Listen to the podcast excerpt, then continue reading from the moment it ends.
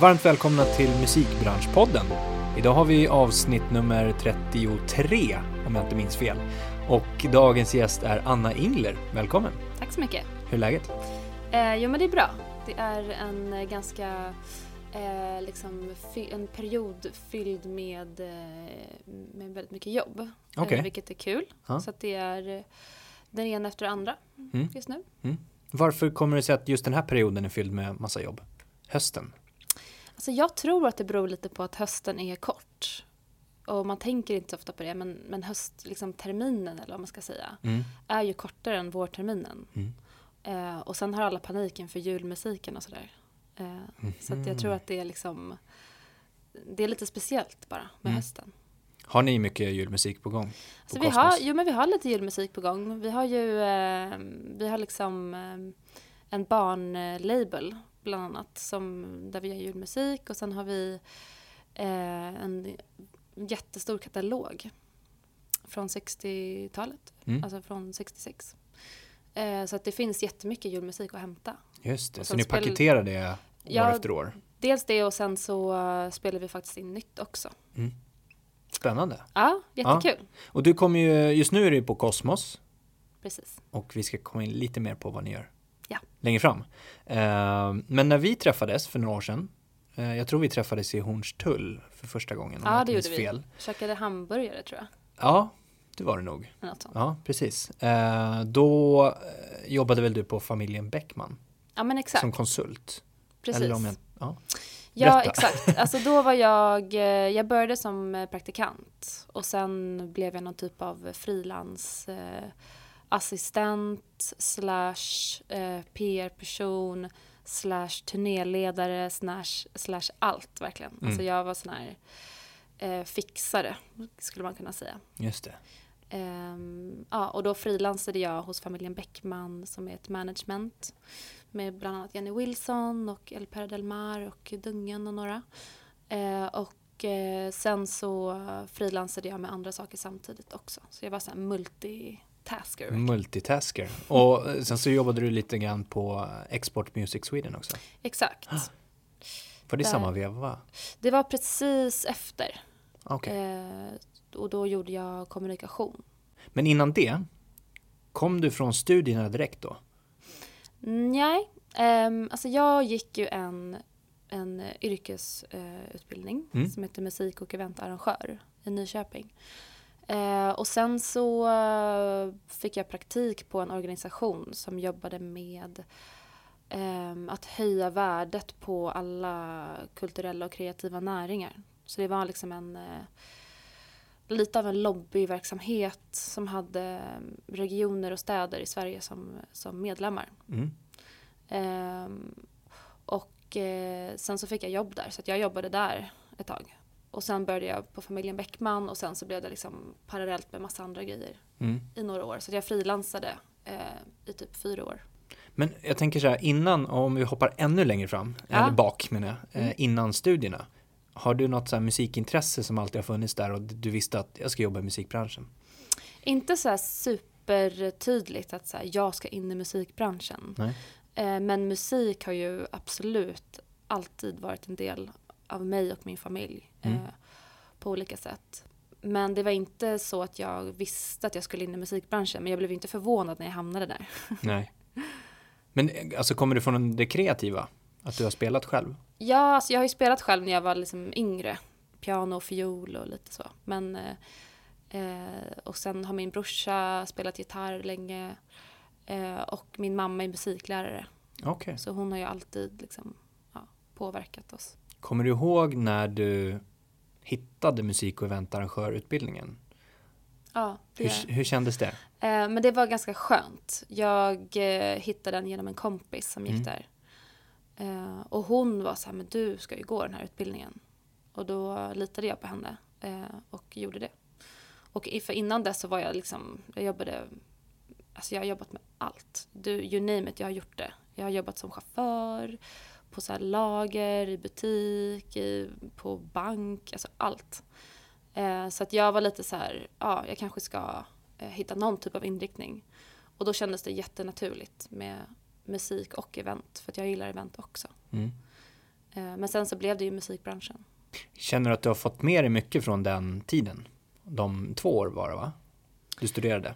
Ja, absolut. Det var ju, alltså det, det är ju en sån utbildning som den blir vad man gör den till. Mm. Eh, och det var jättemycket praktik. Så att jag, jag ville ju liksom åka till New York och praktisera, så gjorde jag det. Och så, och så ville jag liksom eh, testa på massa olika saker. Så jag gjorde jättemycket skarpa projekt och liksom eh, bara hakade på allt. Och det tror jag var skitsmart, för då visste jag också vad jag inte ville göra.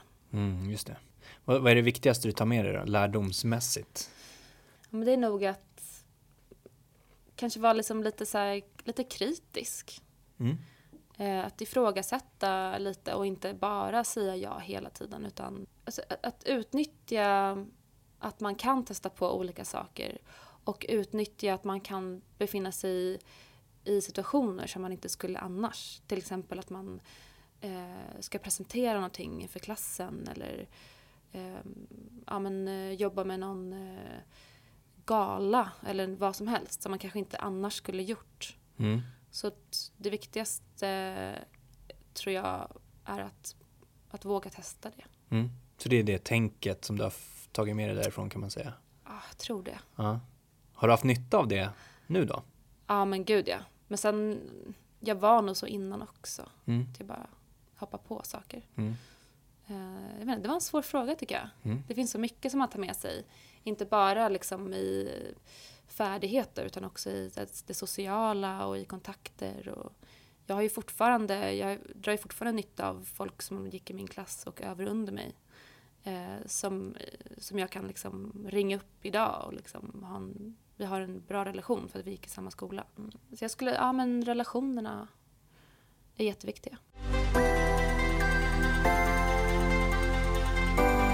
Det här med, du berättade om familjen Bäckman och där jobbade du med allt i allo kan man säga. Ja, och det typ. var ett managementbolag. Eh, Export Music Sweden där jobbade du med kommunikation. Kan du berätta mer vad Export Music Sweden gör? Och vad det var du, du kommunicerade så att säga? Ja, men eh, Export Music Sweden jobbar mycket med eh, projekt, i projektform. Um, och det är nästan alltid återkommande projekt. Um, så till exempel eh, varje december så är det ett showcase i New York med svenska artister tillsammans med svenska konsulatet. Eh, och eh, varje år så är det minst sex seminarium som är gratis för musikbranschen att gå på med olika teman. Ehm, och sen är det vissa festivaler som, som vi alltid åkte till och vissa mässor. Och så jobbade vi ehm, med alla genrer så att det var ju också ja, men, eh, världsmusik, jazzmusik, allt, allt möjligt. Så att, eh, jag kommunicerade dels eh, våra egna projekt och även vad som händer svensk musik utomlands kan man säga. Någon typ av omvärldsbevakning. Sen gör ju de också eh, sådana här eh, ehm, handelsdelegationer till olika platser. Till Los Angeles, till Tokyo, till Sydkorea och sådär. Så ja, så då gäller det att kommunicera, dels att få med sig folk på de resorna och kommunicera vad vi gör. Um, och det är också viktigt att rapportera till, till ägarna och till bidragsgivarna eftersom att det är en, det är en organisation som går på, på bidragspengar. Trivdes du? Uh, ja, uh, verkligen. Det var, det var väldigt spännande och speciellt för att man fick träffa så himla mycket människor. Mm. Det kom alltid upp folk på kontoret och ville fråga om export. Eh, och alla resor vi gjorde träffade man ju hur mycket folk som helst. Eh, så det var, det var skitkul. Känner du att du lärde dig mycket från den biten också? Just om export? Alltså något som du kanske inte har varit inne på tidigare? Absolut, verkligen. Ja, för där blir det ju att man såklart bara pratar om export. Mm. Och då klart man blir bra på det för att man bara pratar om det. Eller förstår du? Det mm, blir mm. väldigt inriktat och nischat. Mm. Eh, så absolut som sagt, som vi nämnde lite innan, idag jobbar du på Cosmos. Och vad gör du där? Eh, där jobbar jag eh, på den digitala avdelningen mm. tillsammans med en annan person. Och eh, jag, jag är främst, jag är främst liksom digital försäljare. Så jag, jag liksom säljer musik till olika digitala partners som till exempel Spotify. Mm. Um, så att jag liksom försöker få in låtar i playlists och försöker få in liksom olika kampanjer och, ja, och så vidare. Mm. Jag är försäljare verkligen. Mm. Det där är ju sjukt intressant med playlists. Ja. Alltså, eh, vi, eh, vi jobbade med studenterna och eh, jobbade med några projekt tidigare i år. Och där de då pitchar att ja, men det är väl bara att sätta in en låt i en playlist för att det är, det är någonting bra. Det är någonting liksom marknadsföringsmässigt så kommer det generera. Uh, men det är väl inte bara att stoppa in som sagt. Uh, det arbetet som du gör måste ju bestå av så mycket mer. Precis, alltså det är ju dels så är det ju inte min egna playlist som jag pitchar till så man måste ju sälja in en låt till, alltså man måste ju prata om en låt på ett sätt så att den andra personen förstår att den passar in i mm. en speciell play playlist till exempel. Men sen så kollar ju till exempel Spotify kollar ju väldigt mycket på data hur det går för en låt och de är ju inte intresserade av att supporta någonting som inte går bra. Nej. Eller som ingen vill lyssna på. Så att det är inte bara att sälja in en låt utan det är också att se till att den här låten blir lyssnad på, att folk hittar till den. Ja, det finns jättemycket olika saker som som spelar in och som, alltså, som man kollar på. Mm. Um, men nej, och sen finns det ju jättemycket så curators som har playlists um, som inte är ägda av Spotify utan som är andra. Det kan vara privatpersoner eller det kan vara eh, en tidning eller en blogg eller lite vad som helst. Exakt. Um, så att det gäller, där gäller det också att skapa relationer. Mm. Ja, för det, det första man tänker på när man tänker playlist, det är ju Spotifys egna eh, liksom toppvirala och så vidare och så vidare. Eh, men det finns ju jättemånga andra. Jag pratade med en, en eh, privatperson häromdagen som ändå har ja, 1500 följare och mm. få in en, en låt där det är 1500 streams och så hittar du rätt målgrupp. Alltså det går ju att bygga. Exakt. Eh, men, men som du sa, där gäller det att bygga relationer. Hur hittar man de personerna med de, de listorna då? Det, det är en intressant fråga. Ja. för att det finns jättemycket olika sätt och det beror jättemycket på också vad det är för typ av eh, liksom, curator. Mm. Vissa har ju öppna hemsidor där man kan bara skicka in sin låt eh, och hoppas på att de tycker att den passar i listan. Mm. Eh, och andra är som privatperson till exempel, där är det ju svårare för där måste man ju antingen känna människan eller på något sätt hitta kontaktuppgifter till människan. Och det finns ju företag som specialiserar sig på bara det. Mm. Eh, typ som streaming promotion eh, och så vidare. Mm. Som, som bara pitchar låtar till playlists. Ja, för jag tänker likheten med, nu bara kommer jag på nu, eh, influencers och playlists. Det finns ju en liten likhet där egentligen och, och att liksom det finns de här jättestora influencerna, mega mega och jättestora playlisten. Men samtidigt så har ju man ser väl i rapporten nu att, att mikroinfluencers har ju blivit jättepopulärt. För att du kan nå en sån specifik målgrupp. Um, och precis på samma sätt skulle det kunna vara så att, att mikro curators, alltså playlists, blir mer och mer viktiga eh, framöver. Vad tror du? Det, det, det är jag helt säker på. Jag tror också att de som lyssnar på musik, eh, alltså det finns alla typer av människor som lyssnar på musik och vissa tror jag inte lyssnar på Spotify playlists för att de kanske vill ha lite mer kurerat innehåll. Och man kanske följer någon för andra orsaker, mm. om du förstår vad jag menar. Mm. man kanske, jag vet inte, det känns som att det finns en publik som också är lite mer känslig. Mm. Eh, så att jag tror absolut att det, det blir bara viktigare och viktigare. Speciellt eftersom att det är ett så himla tjockt och stort brus av musik och av listor så vill man nog gärna hitta hitta sin grej. Eh, det mest kommersiella funkar inte för alla. Liksom. Nej. Men, eh, men det är väldigt intressant och det finns det, det som är så kul är att det finns tusen möjligheter och sätt att jobba eh, med liksom mikroinfluencers. Mm. Man kan göra alla möjliga typer av samarbeten och utbyten och det kommer ju fan nya appar och sociala medier hela tiden. Om man kollar bara på Musically eller Music, eller jag vet inte hur man uttalar det riktigt. Um, bara där så, det är inte alla som har koll på det och det har ändå funnits ett tag och det är hur stort som helst bland, mm. bland kids. Um, och där finns det ju absolut uh, influencers uh, fast på ett annat sätt. Mm. Så att det, det, det är jättespännande och det är liksom en hel ocean av innehåll i det där. Precis, och massa möjligheter. Exakt. Och jag ser också sådär, vi ser ju Spotify som en standard bara för att vi är svenskar och kommer från Sverige och, och så vidare. Men eh, det finns ju som du säger andra medier och hitta det måste vara en utmaning för dig också att vara up to date med vad som gäller. Och nästa vecka kanske kommer en helt ny tjänst eller vad det nu skulle kunna vara som skulle kunna revolutionera eh, listsamhället eller vad det lät väldigt radikalt att säga listsamhället men du förstår vad jag ja. menar. Nej men verkligen. Det, jag håller helt med dig. Det, det finns ju hur mycket som helst. Och det gäller att vara kreativ och alltid eh, hålla sig uppdaterad. Och det kan vara svårt när det kommer till så här, åldersskillnader. Mm. Man, kanske inte, man kanske inte är på en app eh, för att man inte har den åldern inne. Och då måste man typ fråga någon mm. som är 12 år. Mm. Eller som är liksom 20 år. Jag vet inte riktigt vad frågan var, men det är spännande. Jag tror vi bara resonerade. Nej men som du sa också där med eh, jullåtar, alltså barnjullåtar till exempel. Mm.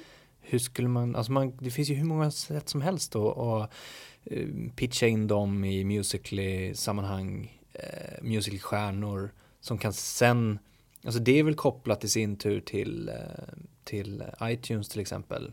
Och sen kan du säkert koppla liksom eh, YouTube-kanaler och därifrån kan du skapa playlist på YouTube-kanaler vilket är en helt annan djungel. Absolut. YouTube är jättespännande. Det händer så mycket och eh, det finns en, eh, liksom, jag vill inte säga okunskap, men det finns, det finns så mycket mer med YouTube som man, som alla, man bara märker att det är inte jättemånga som har bra koll på YouTube. Eh, så att det finns så himla mycket att göra där.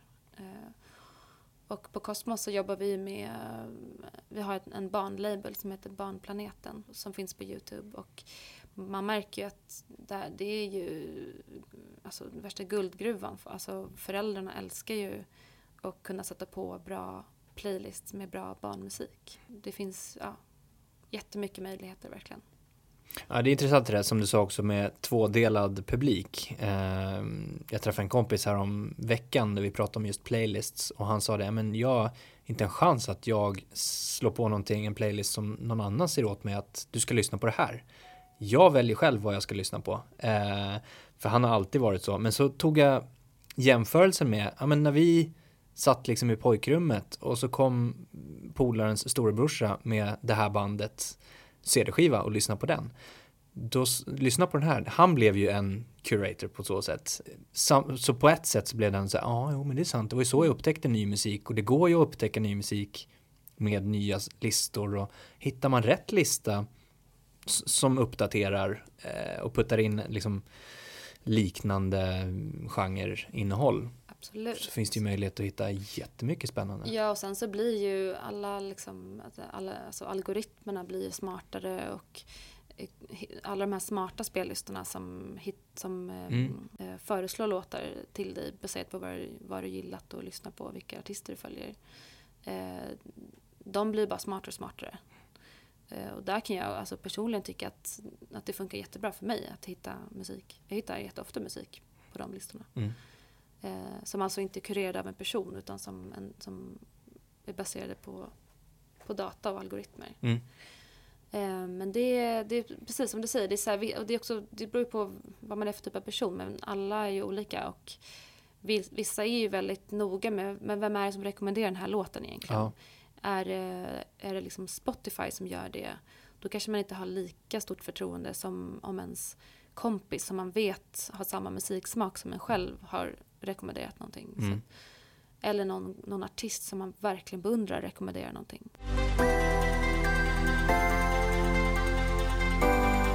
Du har ju som sagt, du är ju mångsysslare i grunden lät det ju som när vi tittade på vem du är och vad du har gjort. Kan man säga. Så du fortsätter ju med det också. Så du har massa, massa fler bollar i luften. Ja, Eller men jag projekt. har ju det. Mm, ja, precis. Jag har ju Dels så driver jag tillsammans med några andra ett nätverk eh, med eh, kvinnliga musikproducenter. Mm. Ehm, eller icke-män kan man säga. För att, ja, det ingår trans och icke-binära personer också. Eh, men där, eh, där är vi, har vi samlat ungefär 60 producenter från eh, hela Sverige och vi jobbar dels med att de här producenterna ska liksom träffa varandra, se varandra, samarbeta, känna sig liksom att de är med i ett sammanhang. och sen den andra delen är att vi jobbar mot musikbranschen. Och dels liksom bara så konkret tipsar om, jag får jätteofta frågor, har du något tips till någon, om någon bra hiphop-producent eller sådär. Så att en del är bara att tipsa. Mm. Eh, och en annan är att eh, koppla ihop producenterna med branschen. Det kan vara sessions, eh, det kan vara företagsbesök, eh, det kan vara allt möjligt. Mm. Och det här är alltså Upfront Producers? Precis, det heter Upfront Producer Network. Ja. Mm. Härligt. Och hur startade hela den grejen? Det startade, eh, det startade med att en annan kulturförening som heter Fantastic. De eh, hade en idé om att göra någonting med kvinnliga musikproducenter. Och det var på tid, den tiden då jag frilansade så att jag liksom jobbade med deras projekt. Men jag hann knappt börja innan den organisationen liksom, alltså bytte form. Mm. Så att projektet liksom hamnade utanför. Så då tog jag det, eh, jag fick det liksom. Eh, så då tog jag in några andra personer och så startade vi igång eh, liksom en egen idé kan man mm. säga. Och döpte det till Upfront och så tog vi in eh, alla genrer och testade väl, alltså i början var det väldigt mycket så här, testa, hur ska vi göra, vad, finns, vad är det för behov och vad vill folk ha? Eh, vill branschen ens eh, att vi finns och så vidare.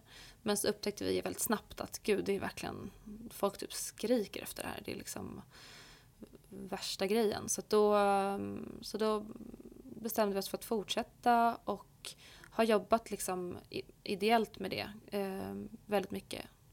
Eh, och nu idag så ingår vi i en annan kulturförening som heter Podium. Där jag även sitter som ordförande i styrelsen. Mm.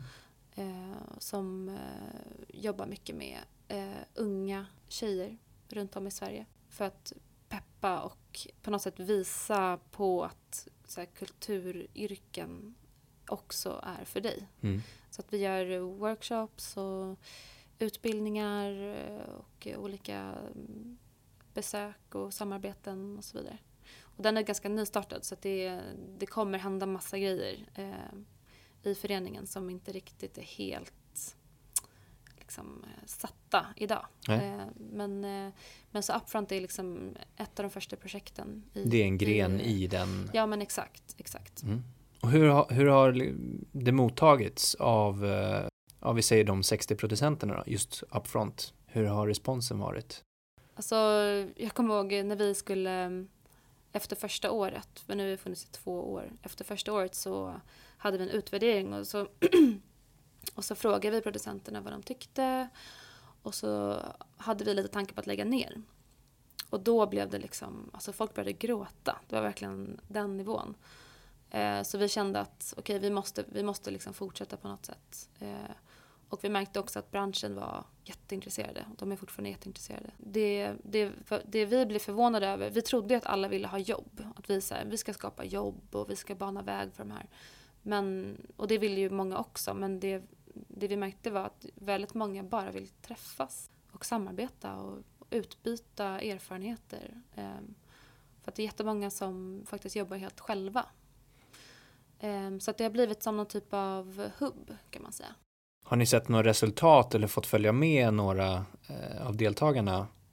Ja men gud, ja. Det finns alltså ett klockrent exempel är Nathalie Nor som var, hon var med från allra första början.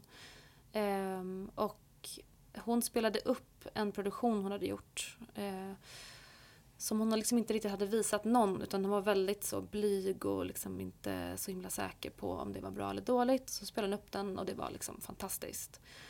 Uh, och sen har hon blivit upplockad genom Upfront. Uh, så nu um, nu jobbar hon på Riksmixningsverkets eh, förlag.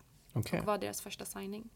Som då är startad av Mona Agai och eh, Benny Andersson och Ludvig Andersson. Eh, och, eh, så det är ju verkligen, hon, hon har ju verkligen bara växt och utvecklats och hon, hon kallar ju sig för producent eh, utan tvivel nu. Men det gjorde hon ju inte då kan jag säga.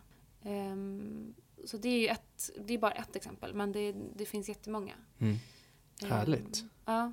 Kul att se. Ja, jättekul. Och kul att se vad, eh, vad Podium kommer bli framöver och vilka olika grenar ni kommer um, utveckla. Superspännande. Där det kommer bli så bra. Vi, vi har ju fått ett megastöd från Arvsfonden. Mm. Så att det kommer startas upp lokalföreningar över hela Sverige. Kul. Och om man är intresserad och lyssnar nu då? Hur gör man för att kontakta Upfront?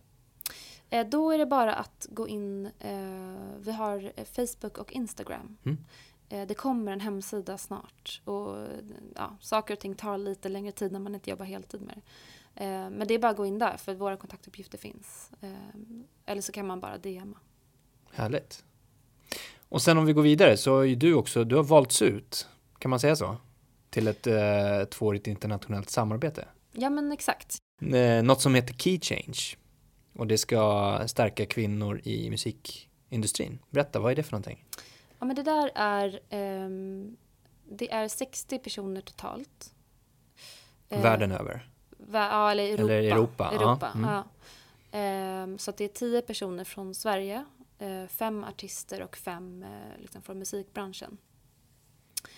Eh, och tanken där är att vi ska liksom ses, eh, vi ska prata och i slutändan så ska vi skriva ihop ett manifest till EU-parlamentet. Eh, och jag tror, jag tror jättemycket på just det här med mötena. Att man, att man ses och ser varandra, utbyter erfarenheter och lär känna varandra. Det, det tror jag jättemycket på. Så jag, jag ser jättemycket fram emot att bara få träffa alla. Mm. Och när drar det här igång? ja, men det drar igång, det har typ dragit igång, men första liksom stora träffen kommer vara eh, på Tallinn Music Week mm. i april. Men sen så kommer vi som är i Sverige, vi kommer ju ses innan dess och sådär. Ja, men det känns jättespännande. Det, det är ju ett samarbete mellan flera olika aktörer. Eh, många festivaler och organisationer och PRS och, och så vidare. Eh, så att det, ja, jag tror att det, det kan bli jättebra. Mm. Spännande. Mm. Hoppas det går kanonbra för din del också. Jag hoppas det. Men vad är det viktigt att tänka på tycker du då i utvecklingen av musikbranschen och arbetet med jämställdheten just? Jag tycker det är viktigt att tänka på att om man, om man själv är chef mm. så tycker jag att man ska ha en strategi. Eh, man ska ha jämställdhetsfrågor och även mångfaldsfrågor alltid närvarande och ta upp det på varje styrelsemöte till exempel. Och sen så tycker jag att man som anställd eh, också ska ha, liksom, ska ha det i sitt bakhuvud. Att när man till exempel ska, ja men nu ska vi hitta en producent eller en låtskrivare till den här artisten. Då kanske man ska tänka ett varv till. Vilka är det jag känner egentligen? Eh, vilka är det jag rekommenderar?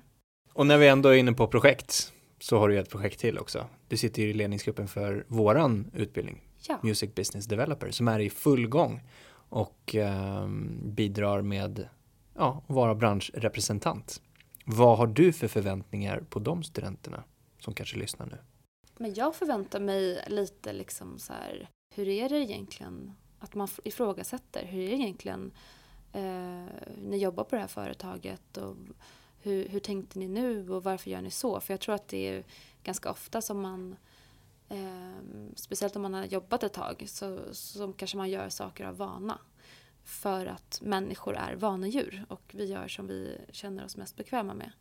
Så jag förväntar mig att det, det, att det blir lite liksom gnissel. Friktion. Ja, exakt. Ja. Lite friktion och gnissel i, i, i sömmarna. Liksom. Det, jag tycker att det är jag tycker att det är viktigt att bara inte alltid följa med och vara så tacksam för att åh, jag får vara i musikbranschen, det är min dröm, gud vad kul, jag ska göra allt som de säger till mig. Utan att faktiskt ifrågasätta och komma med egna idéer och tänka på andra sätt. Ehm, jag tror att det är jättebra för alla. Och det, är ju, det heter ju developer av en anledning just för att utveckla och inte gå i samma gamla hjulspår. Så här har vi alltid gjort, copy-pastar och gör det, utan hitta nya lösningar, hitta nya vägar. Uh, så det handlar ju mycket om det, just innehållet också. Verkligen, och jag tror att eh, musikbranschen uppskattar det jättemycket. Överlag då, nu har vi pratat om din resa och lite projekt och sådär. Om du skulle ge tips till eh, personer som vill ta sig in i branschen, vad skulle det vara för tips? Jag tycker att det är jättebra att eh, ta en lunch eller en eh, kaffe med någon. Mm. Och det är så mycket lättare än vad man tror. Jag tror att man själv kanske tänker att åh nej, jag stör, liksom, den här personen har inte tid. Men eh, har han inte det så säger den nej. Då är det bara att fråga nästa. Det finns hur mycket människor som helst i den här branschen. Och så här rent konkret på jättedetaljnivå, hur hittar jag den personen? Jättemånga har ju sina e-mailadresser på hemsidorna, bara mm. så enkelt. Mm. Eh, sen kanske man eh, kan försöka gå på lite seminarier och lite, ja men ta reda på när, eh, när det är liksom företagsfester och så vidare och, och osa till dem och gå och liksom prata med folk. Jag tror att det är, det är lättare än vad man tror att bara prata med, alla är ju människor, det är bara att prata med dem. Bra, exakt, bygga relationer och fortsätta bygga också. Bara för att man skickar en, en vänförfrågan så betyder inte det att man har byggt en relation det är en digital kontakt. Det är viktigt att skilja på det. Precis. Jag skulle nog inte rekommendera att bara bli vän med någon på Facebook och hoppas på det bästa utan faktiskt lite mer seriöst kanske e-maila eh, eller till och med ringa. Mm. Eh, men e-mail skulle jag nog rekommendera mm. Eh, som ett bra kontaktsätt. Mm. Facebook kan vara ett verktyg till att hitta personen också.